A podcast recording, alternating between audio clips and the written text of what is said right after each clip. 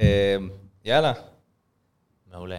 אז אה, ברוכים הבאים לפודקאסט חדש בפודקאסט הזה, דיליונרים, וכאן איתנו ניר בבג'ני, יזם ומשקיע נדל"ן בארצות הברית כבר קרוב לעשור. אה, אחרי מעל אה, מאות עסקאות בארצות הברית, ונדבר גם על העסקה האחרונה, עסקה מאוד מאוד גדולה ומרשימה. אז לפני רגע שנצלול על העסקה האחרונה ועל כל הדרך, קודם כל נשמח אם רגע תציג את עצמך, ואז נדבר קצת יותר על תחילת הדרך שלך. מגניב. אז אה, קודם כל, תודה שהזמנת אותי, ואני שמח על ה... גם על הקשר שלנו, וגם נדבר על העבודה יחד ב... בעסקת המולטי פמילי האחרונה שעשינו. כן. אז uh, ב- בעולם הזה של אה, השקעות נדל"ן בארצות הברית, אני מוכר בשם נדל"ניר, זו חברה שייסדתי, אבל אם חוזרים אחורה, אז אני התחלתי, האמת שהתחלתי בשנת 2011, עוד הייתי שכיר בחברת טבע,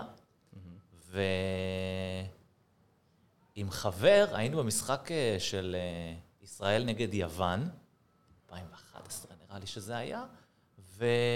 והוא התחיל לספר לי על חבר שלו שמשקיע בנדל"ן בארצות הברית, ואני הסתכלתי קצת על שכונות בחיפה, ליד הטכניון, הוא הסתכל על באר שבע, ואמרנו שנשתף פעולה.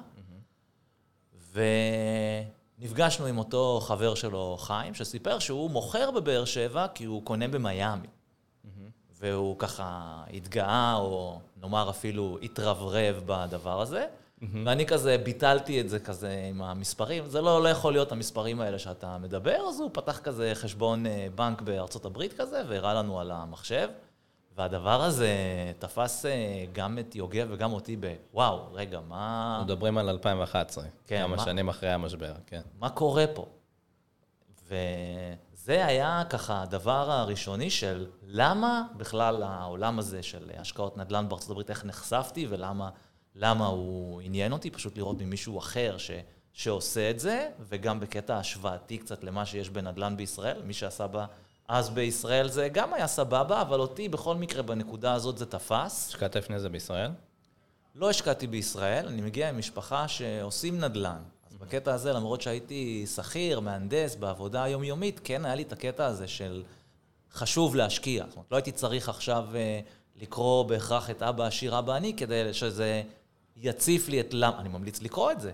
אבל זה לא שלפני זה לא היה לי מושג קלוש למה חשוב להשקיע, ואחרי זה התעוררתי. זאת אומרת, זה תמיד היה ב... בתודעה ככה, עוד משיחות אה, בבית בתור ילד קטן של האחי, הדודים, ו...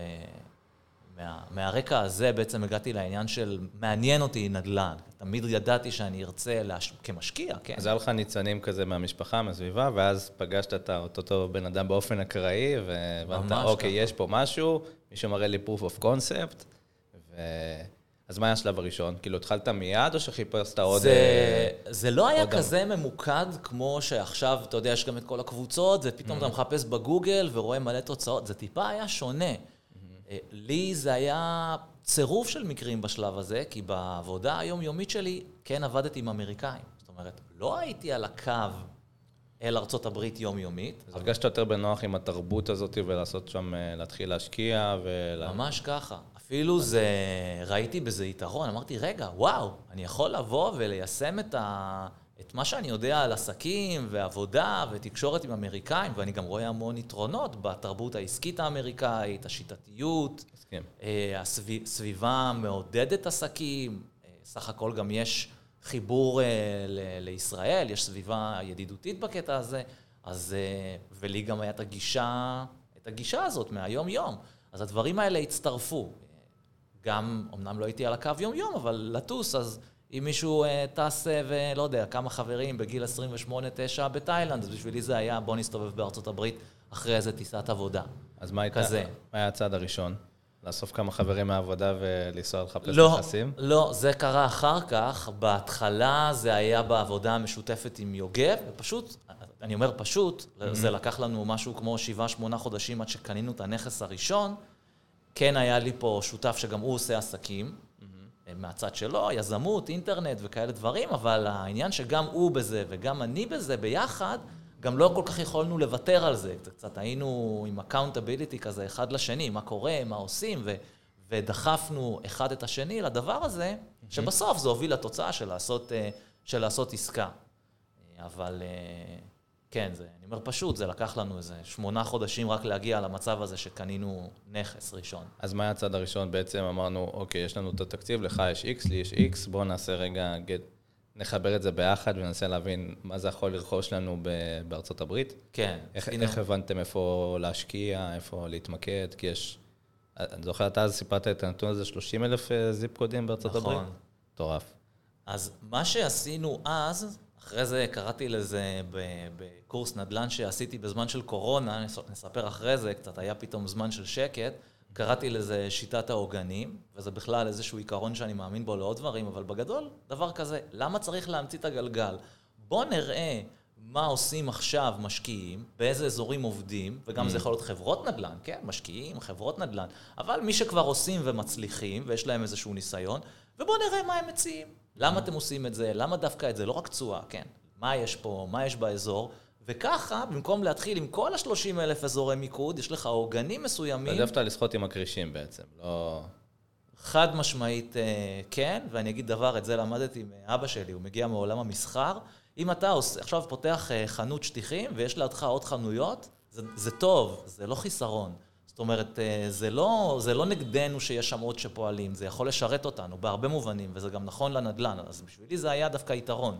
רואים את זה גם הרבה בארצות הברית, אה, אתה נוסע על האינטרסקשנס האלו, על כל ה-highways, ואז אתה רואה מקדונלדס, ואז אתה רואה ליד מקדונלדס את כל כביכול המתחרים שלהם, ברגר קינג וונדיז וכל ה-fast food הזה כביכול, ותמיד תהיתי לעצמי, אבל הם לא מתחרים, הם לא אמורים לא תופסים אחד בנתח השוק השני, אז לא, זה אותו קהל יעד, וזה דווקא מגדיל את ה traffic לכל חנות, ויש מספיק בשר לכולם, זה עובדתית. תשאל יותר מזה, תשאל יותר מזה, למה למשל רשתות עם כוח, כן, כמו תיקח את uh, מקדונלדס, הרי הם נכנסים לאיזשהו חטא מסחרי כזה. מה, הם לא יכולים להגיד, אם אנחנו נכנסים לכאן, ואנחנו חותמים עכשיו חוזה לעשרות שנים קדימה, אז אנחנו לא רוצים שבחטא הזאת יהיה X או Y?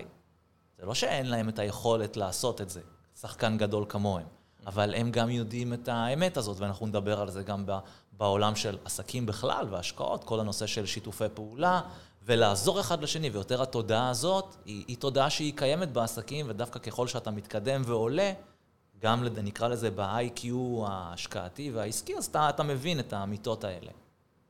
מושלם. אז אוקיי, החלטתם לסחוט עם הקרישים ולבחור שוק ראשון שזה היה? זה היה באטלנטה. אטלנטה, אוקיי. שוק מעולה. כן. בטח בזמנו גם ב-2011 אנחנו מדברים? כן, הנכס הראשון שקנינו אותו ממש וסגרנו עליו זה כבר היה ב-2012, לקח לנו קצת זמן, אבל כן.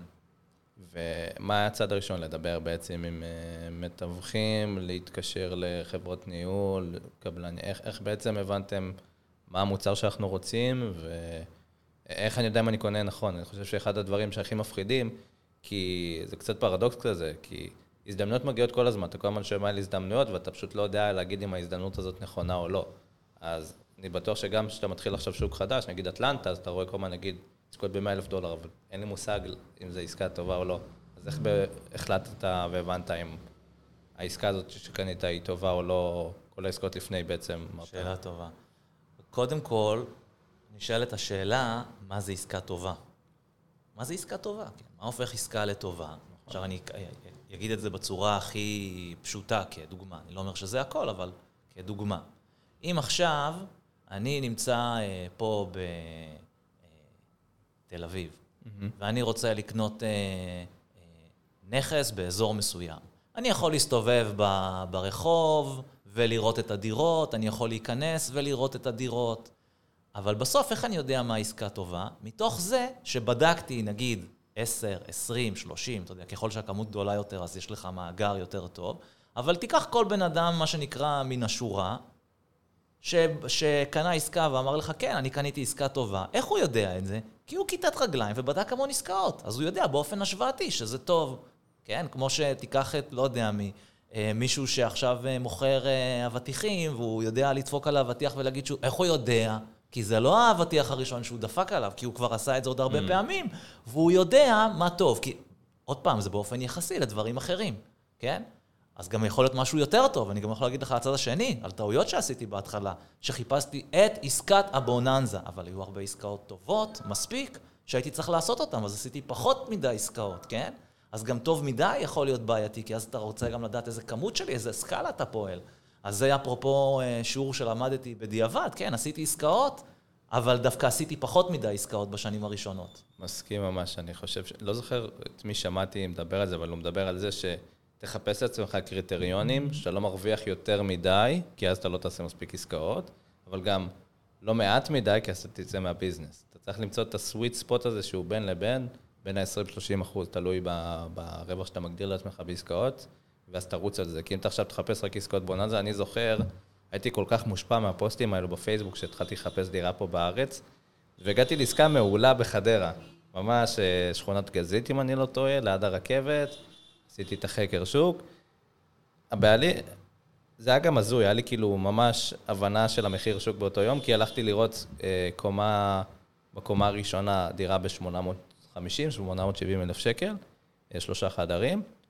בדיוק קומה מעל אותו מוצר לגמרי, שם הוא רצה כבר 780. כבר 70 אלף שקל פחות, על מוצר מאוד דומה, אבל שם ראיתי איזה כוח מציאות אותם על ארגזים, ואז אתה קורא את הפוסטים בפייסבוק ואתה אומר לעצמך, איזה עסקה, הנה יש פה כוח מציאות, בוא, בוא נגזור אותו לקרעים, נוריד את המחיר עוד יותר, נעשה את ה-100 אלף שקל בקנייה, ובאמת הוא הסכים ל-750, ואני כמו גרידי אמרתי לו, תשמע, בוא תחשוב על 740, בוא, תן רגע, אומר לי, אין בעיה, אבל אני צריך לדבר על זה עם אשתי, אז תן לי לדבר איתה בערב ונדבר על זה מחר.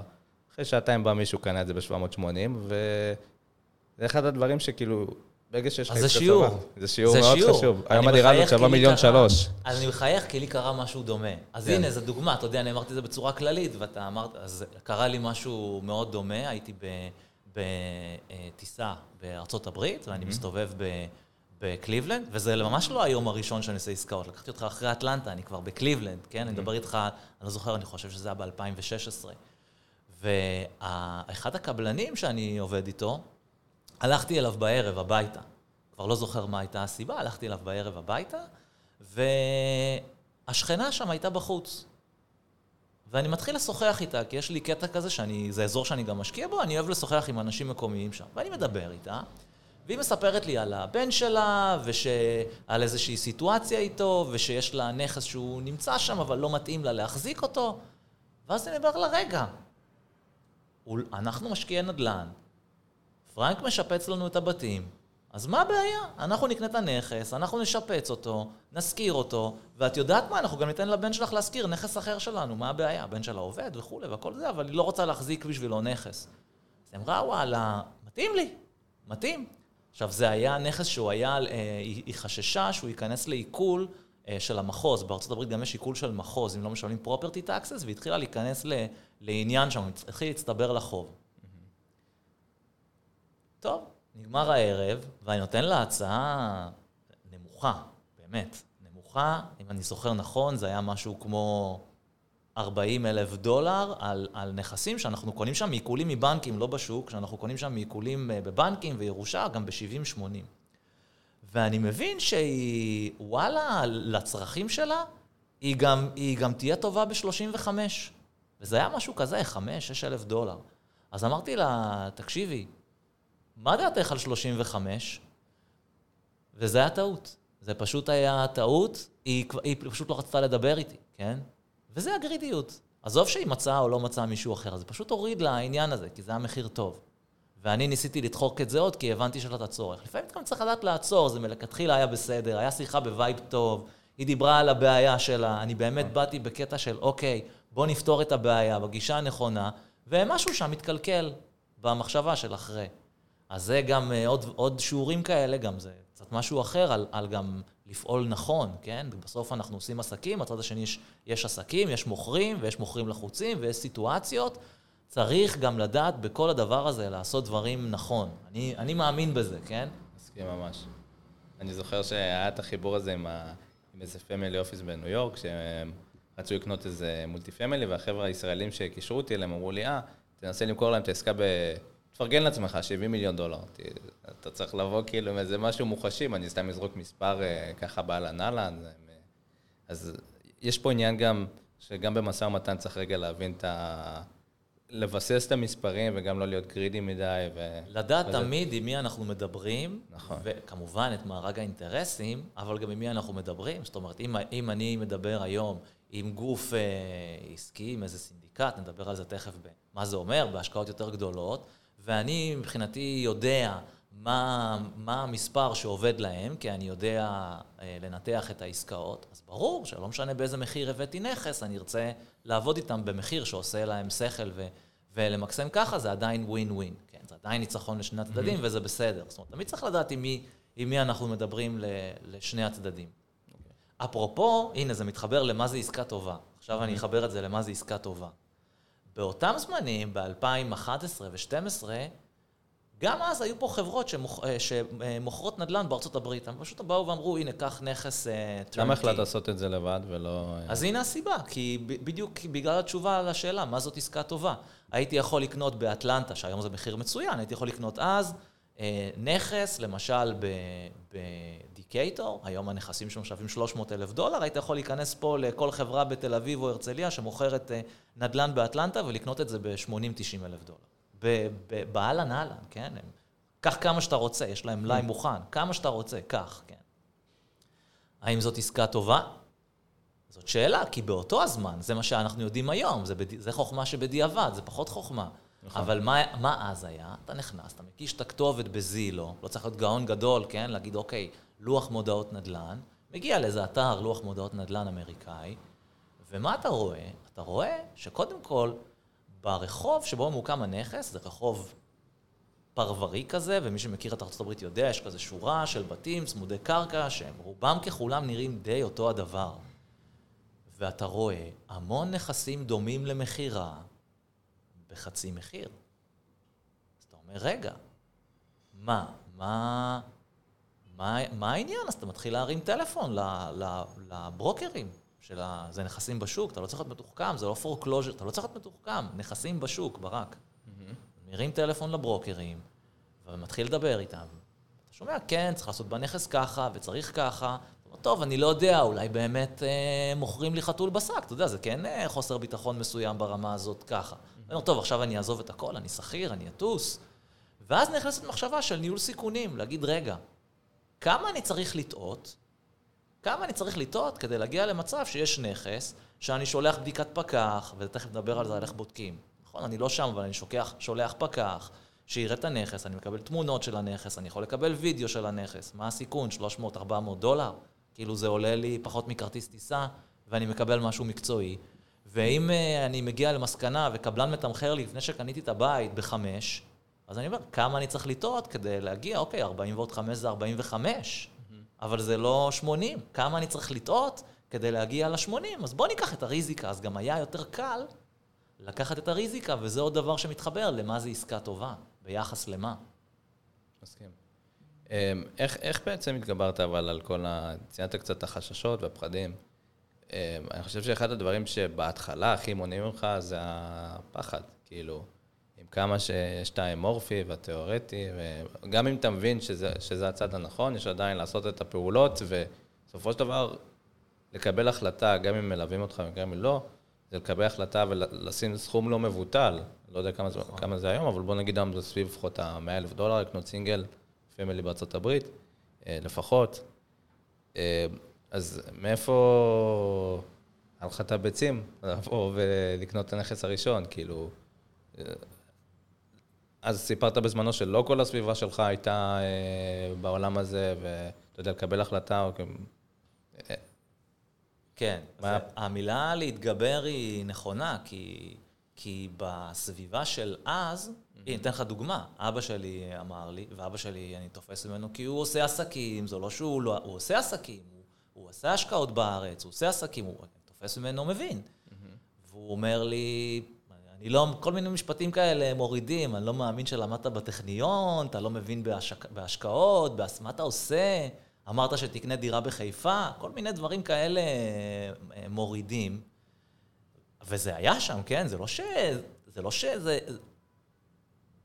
שמתי את זה בצד וטוב, והנה ציטוטים, והסביבה, ותתעלם, והוא לא עשה, כי עדיין זה, זה שם, כן? נכון. אחרי כל מה שאומרים וקוראים, ואני ממליץ, אתה יודע, כן ממליץ את זה, לקרוא ולדבר עם מי שכבר עשו, כי זה נותן כוח. כי אתה אומר, רגע, הם עשו וזה מצליח, אז, אז זה כן נותן את הכוח. אז אמרתי, קודם כל היה לי את יוגב, שיש לך שותף לדרך, אז כשאתה רוצה לצאת אה, ולעשות משהו חדש שלא עשית קודם, לי זה עזר. ואני זוכר, היה, את הרגע שעשיתי את, ההעברה. אני עשיתי את ההעברה על חשבון טייטל, ואני ממש זוכר את זה. כאילו, אני בא, והיד רועדת לי על המקלדת. עכשיו אנחנו כבר. בוא רגע רק נסביר מה זה טייטל, אה, שלא... אה, זה עורך דין, סגירת עסקה. אנחנו ברגע סגירת העסקה, וצריך להעביר כסף לחשבון נאמנות של העורך דין בארצות הברית לסגור את העסקה. כן, זה כבר רגע הסגירה. והיד רועדת לי על המקלדת, ככה. זאת אומרת, העניין הזה של, של הפחד, הוא, הוא גם היה ברגע הזה, ואני אומר לך שהיינו שמונה חודשים, ו, ואני בשיחות עם שותף, ואחרי, אחרי, אחרי כל זה, רועדת אה, היד. אז אתה יודע, בסוף מגיע הרגע הזה, ואתה יכול ללחוץ או לא ללחוץ. לחצתי, אתה יודע, בסוף אתה לחצתי, פחדתי, לא שלא פחדתי, פחדתי, לחצתי, והנה, ודבר הוביל אה, לדבר, אבל זה, זה כן היה. מה הייתה האסטרטגיה? Buy and hold? כלומר, להחזיק, או שתכננתם לעשות flip עם העסקה הזאת? לא, תכננו להחזיק את זה. להחזיק. אמרנו, ממש היה לנו להגיד, בוא עכשיו נייצר... המספרים היו כאלה שאתה אומר, רגע, אם אני מגיע עכשיו לעשרה נכסים, תחשוב, כאילו ב-40-50 אלף דולר, אתה אומר, אוקיי, אני מהנדס, אני עובד כמה שנים, אחרי זה נדבר על מה קרה, אבל רגע, אם זה ככה, אני עובד כמה שנים, מקסימום מוציא קצת ריפייננס, בואו נתחיל לעבוד עד שיפתח לנו, ואני יכול להגיע למספר נכסים, והנה יש לי משכורת של מהנדס. זאת אומרת, ראינו את, ראינו את המספרים. אני מבין מספרים, בד... ראינו את המספרים, וזה היה נראה לנו שזה יעד אפשרי. אז זה מה שעניין אותנו. לבוא ולעשות את זה ככה כמשקיעים. לא חשבתי באותה, באותו זמן על זה כמשהו עסקי, ל- ל- ל- לעשות השקעות ביחד עם אחרים, להביא עוד משקיעים. פחות חשבתי על זה, חשבתי על זה במסגרת שלי כמשקיע. Mm-hmm. ועשיתי עם יוגב, אחרי זה עם עוד אנשים בטבע, שהשקענו ביחד, בשבילי זה היה חלק מזה, שאני קצת ממנף לא רק את הכסף, גם את המיומנויות, ומשיג קצת יותר עוד ועוד נדל"ן שהוא, שהוא שלי, דרך המינוף הזה, אבל עדיין חשבתי על זה כמשקיע בתצורה הזאת. אבל כן. ביי אנולד לחלוטין. נגעת באיזה נקודה, זה קצת מצחיק, שבהתחלה אתה מחפש שותפים שהם יהיו שותפים איתך לדרך, לשאיפות, לאילוץ חיצוני, לסביבה תומכת, ואז אחר כך, ככל שאתה מתקדם בעסקים, זה כבר שותפים שהם יותר uh, משלימים אותך בנקודות מסוימות. Uh, מאמין שזה גם אחת הסיבות שלא המשכתם, uh, באיזשהו שלב הסתיימה השותפות. כן, אז אני, כשהתחלתי את העבודה, את השותפות עם יוגב, באמת חלק מהעניין היה, אפרופו סיכונים, טוב, אני לא משקיע, אני לא מסכן עכשיו 80 אלף דולר, אני מסכן 40 אלף דולר. זה, זה, זה נקרא זנב מקשקש בכלב. זאת אומרת, העניין העיקרי בדיעבד היה, שהיה שם משהו מאוד משלים במיומנויות. גם בעניין של, אוקיי, עכשיו שתיים הולכים על איזשהו יעד, אז זה, זה עוזר לא לפרוש מהיעד. אבל כן, העניין של המיומנויות המשלימות, נגיד, אני הרבה יותר מתודי. תביא לי עכשיו הסכמים, תביא לי, אני פירקתי את כל התהליך industry, בשביל מה? בשביל כמה השקעות, אתה מתחיל לייצר flow chartים, mm. ומתחיל לדבר עם מלא ברוקרים, ולעשות טבלאות השוואות בין ברוקרים, בין, בין uh, inspectorים, בשביל מה כל האופטימיזציה הזאת? אבל זה היה בקטע נלהב כזה, רגע, בואו בוא נפרק את הדבר הזה לגורמים, בואו נהנדס אותו, בואו ניקח את מה שאני יודע מהעולם של אה, הנדסת שיטות ותהליכים בפרמצבטיקה, בואו נלביש את זה על הנדל"ן. עשיתם איזה שיחת אה, טיעון ציפיות לפני שהכנסתם, או שזה פשוט, יאללה? היה לנו המון שיחות, המון שיחות. נגיד, יוגב הוא היה יותר ויז'נרי בקטע הזה ככה. וואי, איזה כיף זה שאני ב... אה, אנחנו עכשיו ישנים בלילה, ובארצות הברית זה יום, ואנשים עובדים ומכניסים לנו כסף. הוא היה כזה יותר עם דברים כאלה, שאמרתי, וואי, זה באמת מגניב. Mm. יותר ה vision של איזה, מה יכול להיות buy and hold על עשר נכסים בארצות הברית, איך זה יכול להיראות לנו. אה, וגם העניין של להגיד, טוב, ניר, יאללה, אה, חפרת את זה לפרטי פרטים, בוא נתקדם לדבר הבא. הוא כן... מה היה כן. הדבר הבא אז? אז קודם כל, העניין הזה, למשל, של אה, לבחון אזורי השקעה ולהגיד, יאללה, לקחנו את אטלנטה. הרי אין, יש אין סוף שאפשר לחקור, ולהגיד, יאללה, בוא, בוא נתקדם, בוא נעשה. אז בהרבה פעמים, אני מצאתי את עצמי במה שנקרא אנליסיס, פרליסיס, כזה מהנדס, מייצר את התהליכים, יורד לפרטי הפרטים, מדייק, מדבר עם מלא ברוק. בשביל מה? כמה? כן, לכל דבר גם צריך לדעת לשים לזה היום. אתה יודע, יש כבר את התובנות, אבל, אבל אז באמת הוא ידע יותר להגיד, יאללה, ניר, בוא, בוא, בוא נתחיל עכשיו, אה, בוא נסגור על הנכס הזה. Mm-hmm. ברמה כזאת, נגיד הנכס הראשון ש, שקנינו, אז הוא אמר, יאללה, בוא, בוא נסגור עליו, בוא נתחיל. כן, זה היה כזה, הוא, הוא הוביל את זה ככה. וזה, לי באותו, באותו זמן, איפה שאני הייתי אז, זה מאוד עזר. אמ, אז עשיתם את העסקה הזאת, ואז התקדמתם לעוד מספר עסקאות ביחד, או שהחלטתם? כן. אוקיי. כן, אחרי שעשינו את העסקה הראשונה, העסקה הראשונה שעשינו הייתה מדהימה. זאת אומרת, היא הייתה מבחינת... ידעתם אז שהיא מדהימה? לא ידענו אז אה, שהיא מדהימה, אבל הקריטריונים שעשינו, הם היו בומבה. הם היו מצוינים במיקום שבחרנו, בלהסתכל על זה בלונג טרם, ובהמשך סטינו מהקריטריונים. סטינו מהקריטריונים שלנו בעצמנו, אה, כי פשוט התחלנו, אה, התחלנו לחפש נכסים יותר זולים, להגיד, רגע, התקציב שלנו מוגבל, והתחלנו לחשוב יותר מהמקום של, ה, של האילוצים, איך נקנה יותר נכסים בפחות כסף, והתחלנו לשאול כל מיני שאלות את עצמנו לא נכונות, mm-hmm. ולעשות מה שהתברר בדיעבד טעויות. אתה יודע, הבעיה מה, מה זה טעות? העניין של אה, להשקיע מרחוק, כמו שאנחנו עשינו אז, ולהשקיע ב... אתה יודע, אתה קונה נדל"ן בזול, אז אתה קונה באזורים פחות ופחות טובים, אין מה לעשות, עד שאתה מגיע לאזורי פשיעה, וידענו, ידענו שזה האזורים הכי קשים שיש. אה, חיפשתם וורזון באיזשהו שלב? לא, לא שחיפשנו את זה, ידענו שזה, מה שנקרא, שהגענו לאזורים הקשוחים, ידענו לבדוק אזורי פשיעה, ידענו את זה. זאת אומרת, קנינו וידענו מה אנחנו קונים. וקניתם, אוקיי. אבל אמרנו לעצמנו, רגע, הנה נכסים שנמכרים באזור, ואנחנו לפי אותה שיטה קונים טוב, קונים את זה במחיר מתחת לכמה שעולים נכסים באזור, וגם כמה כבר אפשר להפסיד שאתה קונה נכס ב-10 אלף דולר. Hmm. אלה היו המספרים, וזה לא שאתה קונה נכס שהוא עכשיו שבור אז. אתה קונה נכס באזור אה, גרוע, אה, שאתה אומר, אני עושה עליו מעט שיפוץ. לא טוב, בוא ננסה את זה, מקסימום נמכור. מה, מה אנחנו יכולים להפסיד? הפסדנו זמן, שבזמן הזה אנחנו לקנות את הנכסים באזורים האחרים, שבינתיים טסו למעלה. בדיוק, אז הפסדנו את כל, את כל ההזדמנות הזאת, וגם לא הרווחנו כסף על הכסף שלנו, mm. בדיעבד. אפשר לדבר על זה אחרי זה, כן? למה אני היום פחות uh, ממליץ על זה, כן? אפשר גם שם לעשות, וכל דבר אפשר לעשות ולהצליח. אם יש לך התאמה באמצעים, במשאבים, כל דבר אפשר, אבל זה בגדול, בהכללה.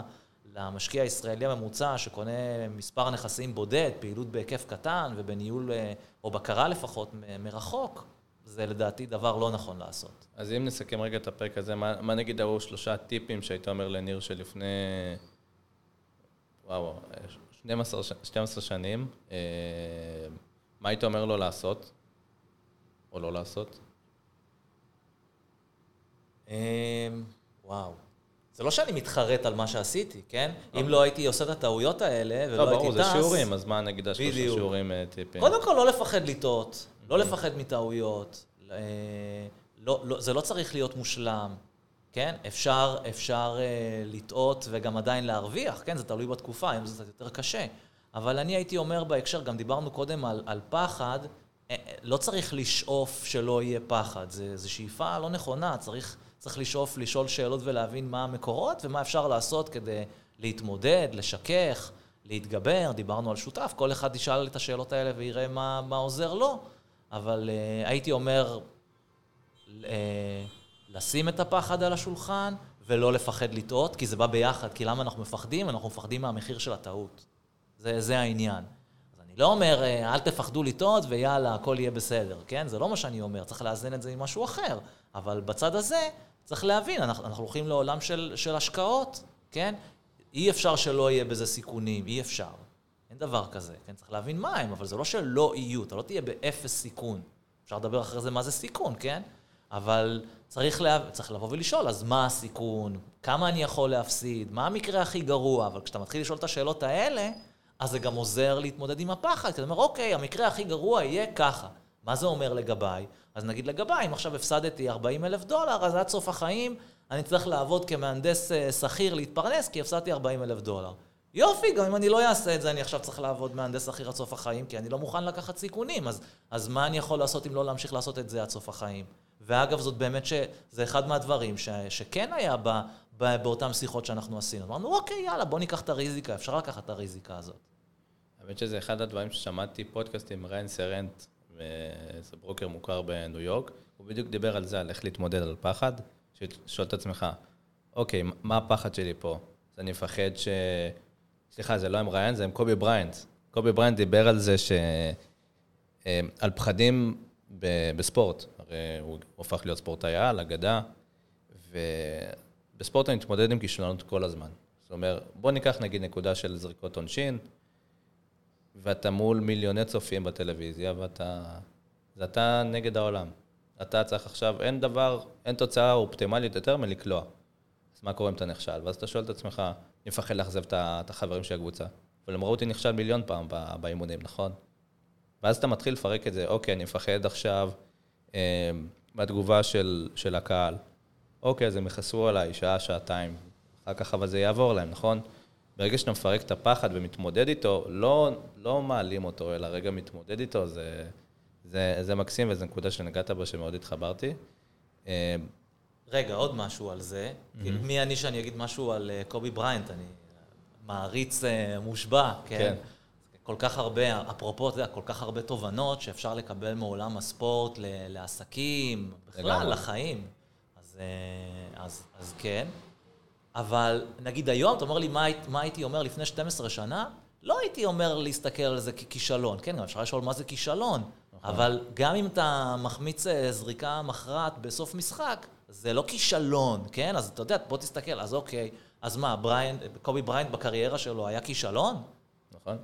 כמה זריקות הוא החמיץ? הרי ברור שלא, אף אחד לא חושב שהוא היה כישלון. אז גם, גם הספורטאי וגם האיש עסקים וגם המשקיע יודע באיזשהו מקום שהפעולה אחת, כן, עכשיו בגלל זה צריך לדעת לשאול, מה ה-Worst case, מה ההשלכה של זה?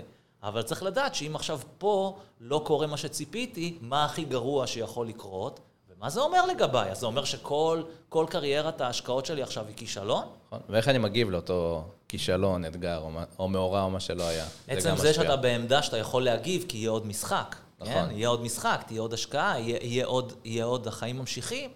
אתה אומר, אוקיי, אז אני, אני, יכול, אני, אני יכול להמשיך.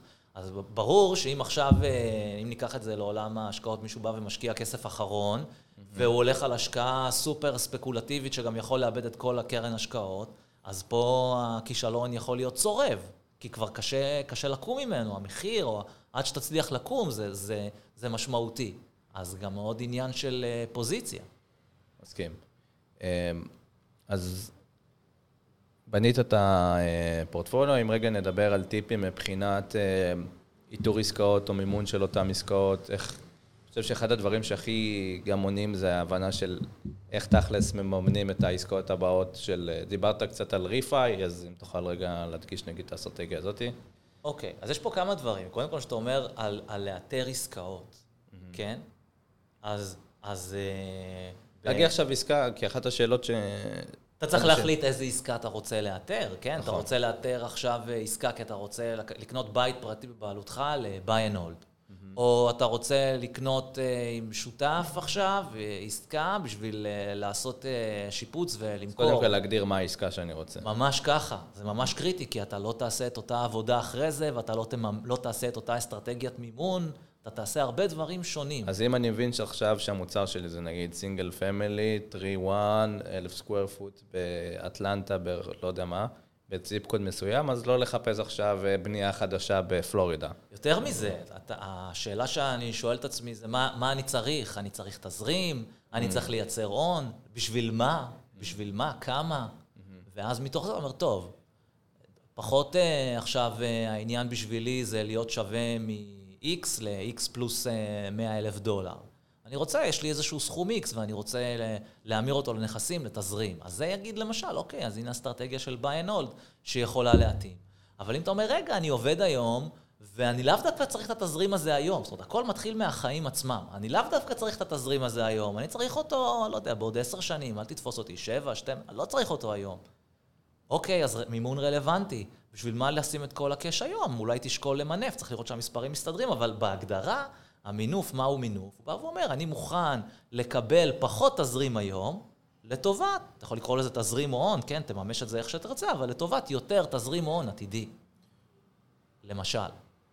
איך אני יודע אם עדיף להיות משקיע, אה, כלומר, ללכת לקנות בעצמי את הנכס, או האם עדיף לי להשקיע בהשקעה קבוצתית, נגיד בארצות הברית? האם עדיף לי לקנות עכשיו סינגל פמל? נגיד יש לי עכשיו, לצורך הדוגמה, אה, סכום משמעותי, נגיד 100 אלף דולר כביכול, האם עדיף לי לקנות עכשיו סינגל פמילי באופן עצמאי, מלווה, מתווך או מה שזה לא יהיה, אה, או האם עדיף לי פשוט להשקיע את זה בקרן אה, פסיבית? איך, מה, מה ההבדלים בדיוק ואיך אני באמת מחליט אם אני... אה, אני אגיד לך את השורה התחתונה, כן? עכשיו, אה, אני בא ויש לי 100 אלף דולר, ואני עושה, רוצה לעשות השקעה ראשונה, אתה מדבר על זה, נכון? זאת השקעה ראשונה שלי. השקעה אין, ראשונה. אין, לי עוד, אין לי עוד נדל"ן, אה, אני לא מחזיק נדל"ן. בוא נגיד בארץ, כי בדרך כלל בארץ זה... יש לי דירה למגורים נגיד בארץ. נגיד יש לי, כן, או מגורים או אפילו השקעה, כן. אז אני, אני אגיד כך, כש... כשמחזיקים אה, נכס בבעלות אה, מלאה, עכשיו אני מדבר על בית פרטי, דירה אחת, כן? לא מדבר איתך לבוא ומישהו אומר, אני מחזיק בניין, כן? נכון. מחזיק אה, בית פרטי כן. יחיד. נשאלת השאלה, האם זה הולך להיות אירוע חד פעמי, או שאני צופה שיהיה לי עוד סכומים, נגיד על... בנדל"ן אתה לא מסתכל על שנה-שנתיים, אתה מסתכל על חמש, שבע שנים, נגיד בחמש, שבע שנים הקרובות יהיה לי עוד סכומי השקעה, אני רוצה לבנות תיק נכסים? אם כן, אם התשובה לדברים האלה היא כן, אז יש מצב שזה כיוון שיכול להתאים, כי יש עוד פרמטרים, אני רגע רוצה לעשות את זה פשוט. אז יש מצב שכן וזה יכול להתאים. לא לכל אחד, כן? תביא לי מישהו אה, מבוגר שלא רוצה להתעסק, כי בעלות, בעלות זה גם שליטה, שליטה זה גם אומר שאתה צריך לעשות משהו עם זה. ותביא לי מישהו צעיר, אז אני אגיד, טוב, יש פה עוד פרמטרים.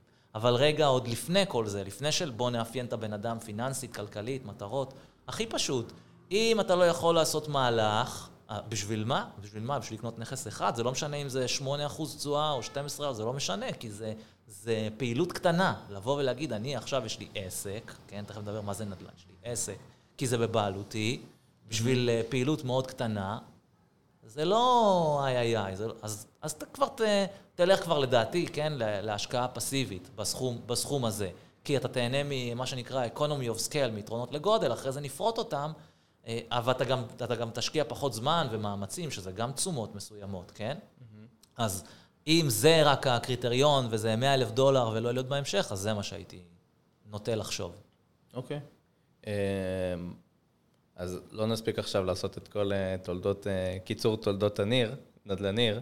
אמ, אתה רוצה להסביר למה נדלניר נקרא על שם הבת? סתם, סתם. אני, אני לא זוכר מי, אני חושב שאחותי המציאה לי את הכינוי הזה. כן.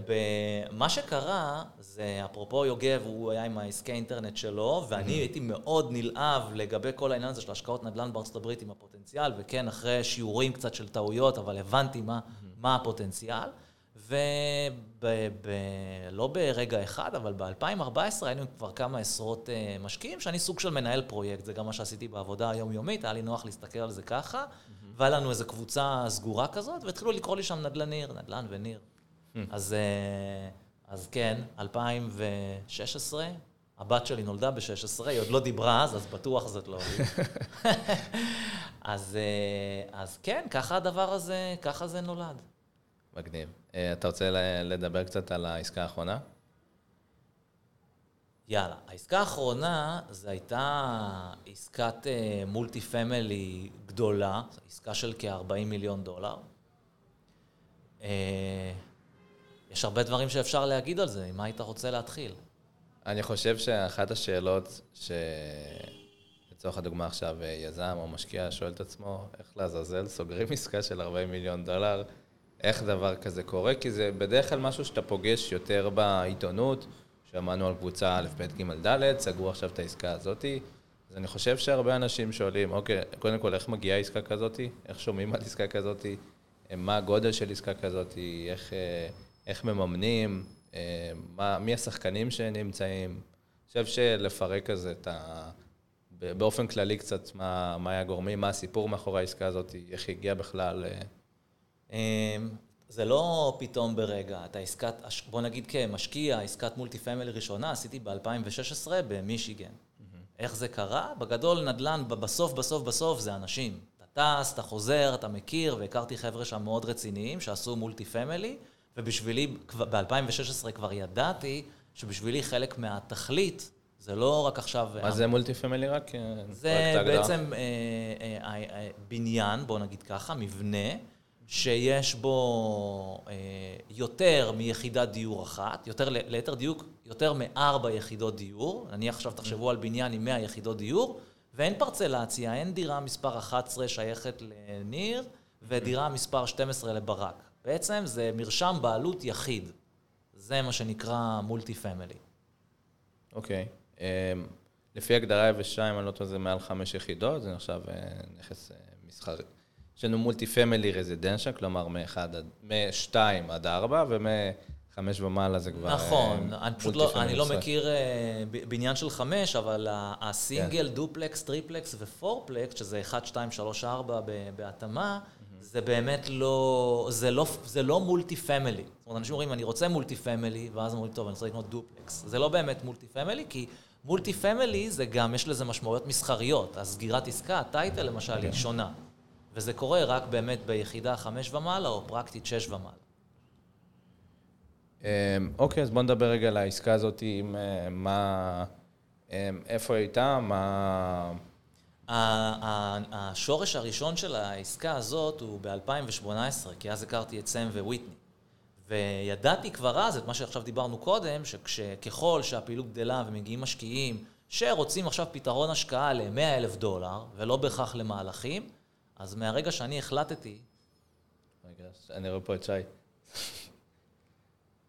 כן. מהרגע שאני החלטתי שאני חושב שזה פתרון השקעה נכון למשקיעים כאלה, אז כבר היה לי בראש שנרצה להנגיש פתרון כזה למשקיעים ישראלים. Mm-hmm. וב-2018 עשיתי השקעה עם קבוצה קטנה של, של, של חבר'ה שעוד הולכים איתי מהזמן של אטלנטה ומשקיעים שמכירים אותי, וגם אני השקעתי, עם, בהשקעה עם סם וויטני. וככה נוצר הקשר איתם אז.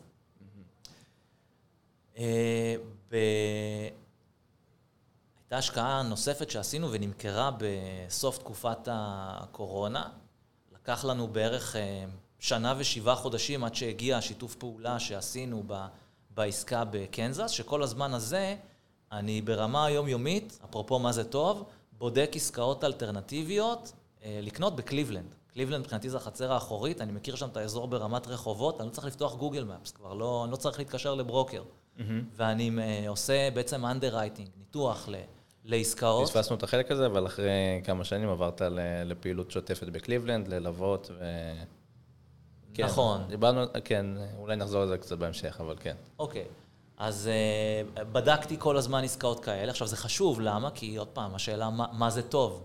Mm-hmm. כן? למשל, באזור שאני אה, בדקתי עסקאות, זה היה אזור קלאס C, זאת אומרת, אזור אה, ממוצע או חציוני ו- ומטה, שזה אומר מה, כמה אנשים מרוויחים שם, רמה סוציו-אקונומית, ואיזה שהם, אה, נגיד, תשואות מסוימות. ואז מגיעה עסקה, תכף נסביר, אפשר לדבר עליה פרטנית, אבל מגיעה עסקה שהיא באזור יותר איכותי, והמספרים בה יותר טובים, וגם יש בה יתרונות בתצורת מימון. היה שם גם הזדמנות במימון. אתה אומר, אוקיי, זה יותר טוב מהעסקאות שעכשיו אני רואה ורוצה לייצר למשקיעים.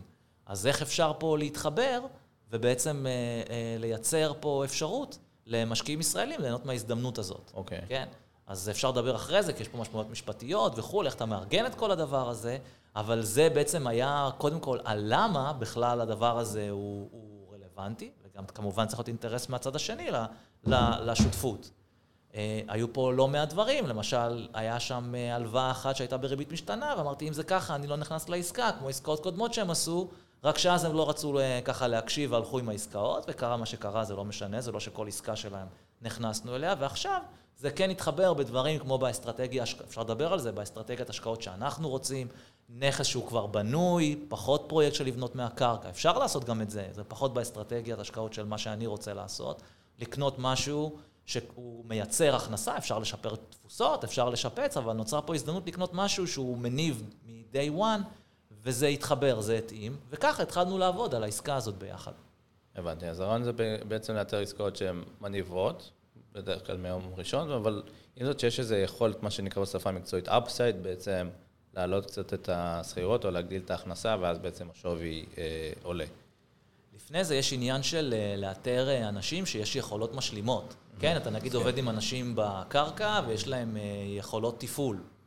ואתה בא ואתה מביא יכולות ייזום, מימון, גיוס, ניתוח, כן? כן? אז, אז הדברים האלה מתחברים, וככל שגם נוצרות השיחות, ואנשים בצד השני מבינים מה אתה נותן, מבינים את ה-value add, אומרים, רגע, זה מוסיף לנו לכל העסקה בכלל, באסטרטגיה, במימון, באיך לעשות. אז גם, גם מתפתח הקשר, מתפתח כן. האמון, ואז מה התוצאה של זה? שיש עסקה, אומרים, ניר, יש עסקה, איך אנחנו, אפשר, מה אתה חושב, מה דעתך? מתחילים, בכלל זה הגיע בתור שאלה, מה אתה אומר?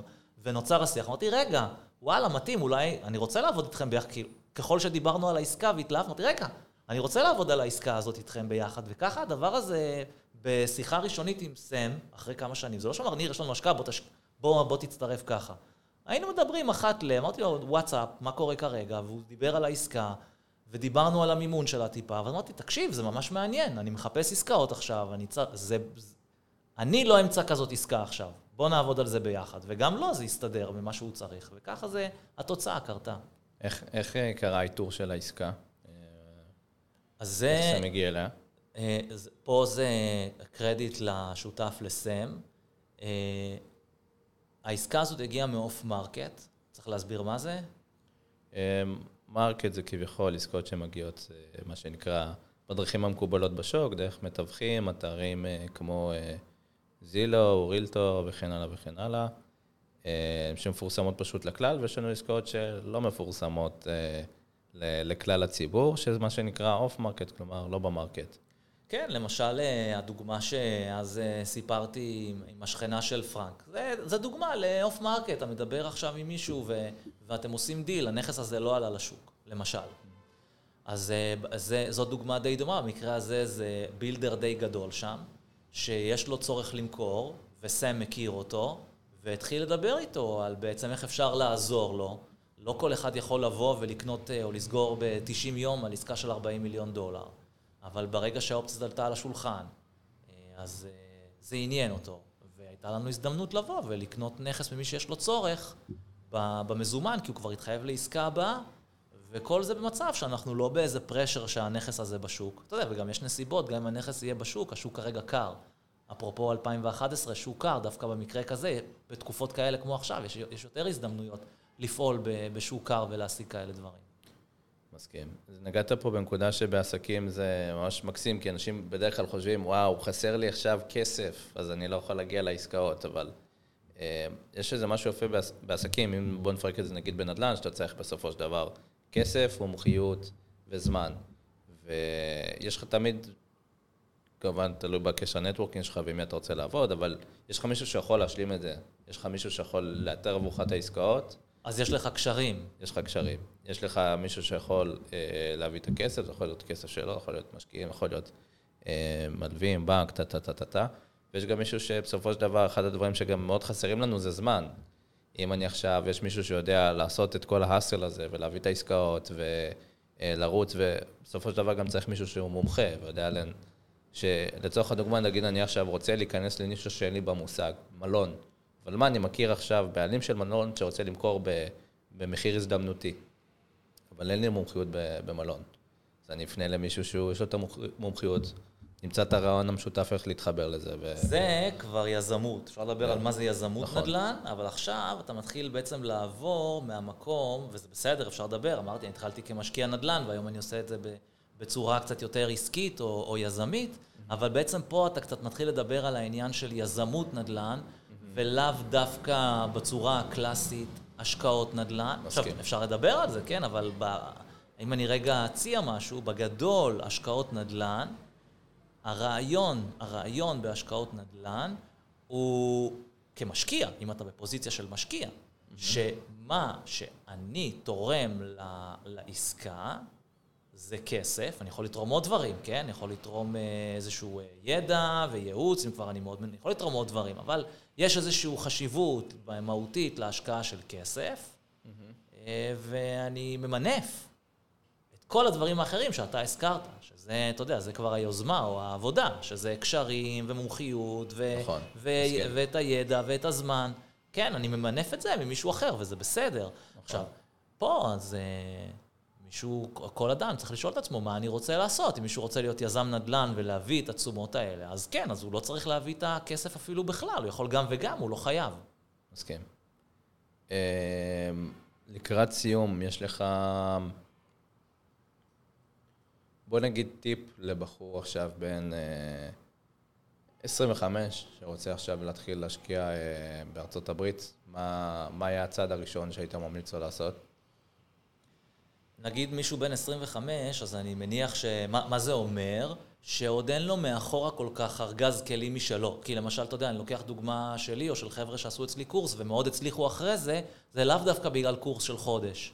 או בגלל שהם עשו איתי ליווי אחד או השקעה אחת, למדו והמשיכו הלאה. אנשים, אם עכשיו בא מישהו בן, אה, בוא נגיד קצת גיל יותר מתקדם, 40, אז הוא מביא יותר מטען, והוא יכול גם למנף את הניסיון הזה, אפילו אם זה ניסיון אחר. נכון. כן, כמהנדס, בעסקים, כעורך דין, יש, יש דברים שאפשר למנף אותם. נכון. אז נגיד בדוגמה של אה, גיל 25, נניח שאין את הדבר הזה למנף. אין אותו, אין אותו למנף, אז צריך לחשוב מה הוא רוצה לעשות, יכול להיות שגם אין לו כסף, כן? ואז השאלה אם הוא רוצה להיות משקיע או יזם, אבל מה שבטוח, בטוח, בטוח, בטוח, דבר מספר אחת, לא משנה מה הוא רוצה לעשות, תשקיע בידע, כי אין. Mm. אז זה בטוח נכון, תשקיע בידע, כל דבר שהוא הולך ועושה אחרת, זה לא הכיוון הנכון. תשקיע בידע שלך.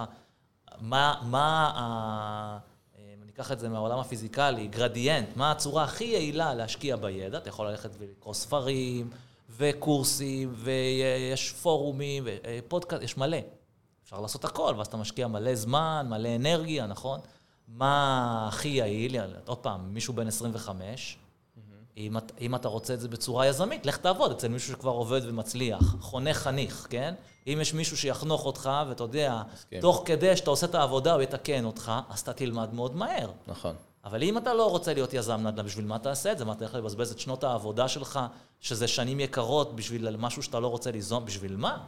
נכון. כן? אה, יש ספר אחד שאתה ממליץ, שהשפיע עליך? אמ, לא חייב דווקא בעולם העסקים באופן כללי. יש אה, ספר של אה, נפוליאון היל, חשוב והתעשר, אז הרבה פעמים נותנים את הכבוד, אז אני פשוט בגלל זה אומר ספר אחר, ל, ל, לאבא עשיר, אבא עני, אבל יש, ל, זה ספר ישן של נפוליאון היל, חשוב והתעשר. Mm-hmm. אני חושב שיש שם המון דברים שבעניין המנטלי, עסקי, אפילו בחיים בכלל. גם אם אתה שכיר וזה בסדר, או עצמאי, אני בכלל לא חושב שאתה יודע, העניין של למה אתה שכיר, לך תהיה עצמאי, או לך תעשה השקעות נדל"ן, לא, אני כן מאמין ב... תעשה את הדבר שאתה באמת יש לך passion, ואתה הכי טוב בו, וזה בסדר להצטרף לקבוצת אנשים, גם כשכיר, הכל טוב. לי הדרך הובילה, כן, למה שהיא הובילה. אבל אה, לא משנה מה אתה רוצה לעשות, יש שם, לדעתי, תובנות מאוד מחזקות. מקסים. אה, משהו אחרון שהיית רוצה להוסיף? אני חושב שהדבר העיקרי, אם לוקחים משהו אחד מכל מה שדיברנו, בהשקעות זה אנשים. מסכים. זה, זה דבר שאני כל הזמן מוצא בצורות אחרות, גם בכנסים שעשינו, ועלו עוד דוברים, וככה ראינו כל מיני אנשים אומרים כל מיני דברים, אל תשקיעו באזור פשיעה, תיזהרו מפה, אל, אל תסתנוורו מהתשואות, אל תסתנוורו מהבטחות. אבל מה זה כל הטעויות האלה, הסנוורים? ממה מתעלמים? מאנשים. אז תמיד, נכון, יש את הראש והמספרים, ומי שיודע יותר מאיתנו ידע להראות לנו תוכניות עסקיות מאוד מפתות, אבל אם אנחנו נשמור על האינטואיציה של בטן ולב, וננסה לשאול מי האנשים, וגם לבדוק, כן, מה המוניטין שלהם, מה הם עשו, אחרים שכבר עבדו איתם, ונצמד חזק חזק לעניין הזה של אנשים, אני חושב שזה זה מצפן די טוב למשקיעים מתחילים וגם מתקדמים. מסכים, אני זוכר שלפני חודש הייתי בקליבלנד, סיפרתי לך, הייתי בכנס נדל"ן אה, מסחרי, והיה שם משפט שממש נחקק לי, כאילו מאוד שינה לי גישה על הרבה הרבה דברים. כאילו, ידעתי את זה, אבל יש משפטים כאלו שמדייקים לך מה רצית להתכוון, ואמרו שם long term relationship with long term people.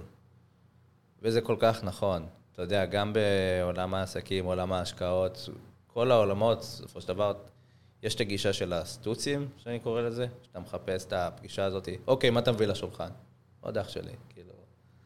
אבל אם אתה מסתכל על זה בגישה של טווח ארוך, אתה פה, אתה לא נמדד רק על פרויקט אחד, אתה לא נמדד על בסיס פגישה אחת, אתה לא נמדד, אה, ואתה מחפש את הקשרים לטווח ארוך, אתה מחפש את המחוות לטווח הארוך, אתה מחפש ליצור חברות, אתה מחפש ליצור משהו עמוק, וזה מחזיר אותי לנקודה שדיברנו לפני שבועיים. אתה גם מציע את זה, כי אם, אם אתה באמת מאמין בזה, נכון. אתה באמת מאמין בזה, אז אתה כזה.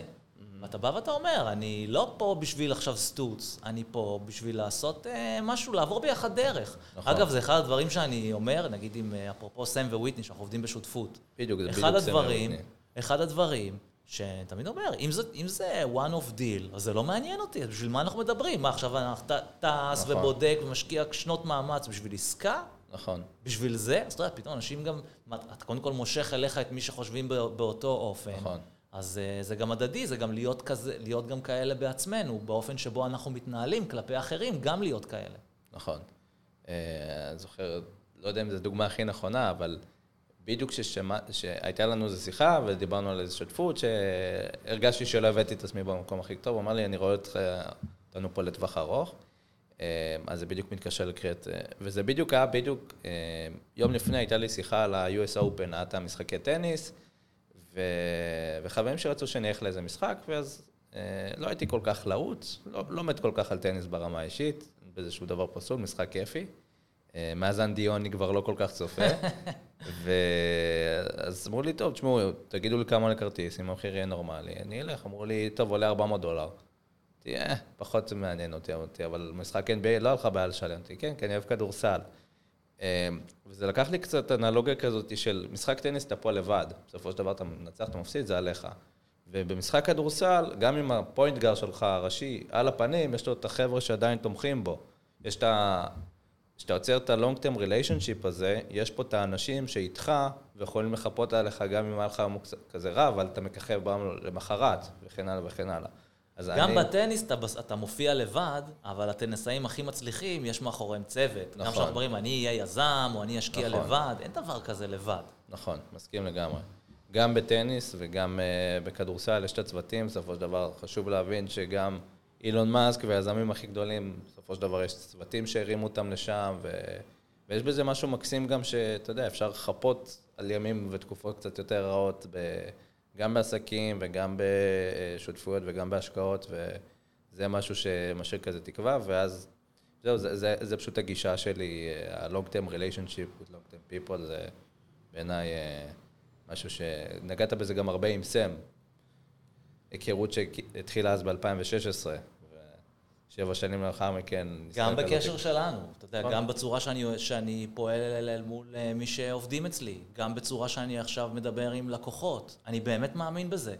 אם עכשיו מישהו בא ורוצה לעשות, לעבוד איתי על איזה משהו חד פעמי, בין אם זה עכשיו אה, איזה משהו שיווק חד פעמי, או מישהו שעכשיו רוצה איזה ייעוץ one-off וללכת, אז אני, אני מודה, זה פחות מעניין אותי.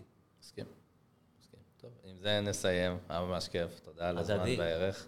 וזהו, אתה יודע שאני מאוד מעריך אותך ואוהב, ותודה על אה, הדרך והחברות וה- והכל. אה, וזהו, מקווה שנהנתם. אה, תודה, תודה על האירוח, ואני באמת אמרתי, ואני אסיים בזה, אני שמח על, ה, על הקשר שלנו, אפרופו long term relationship.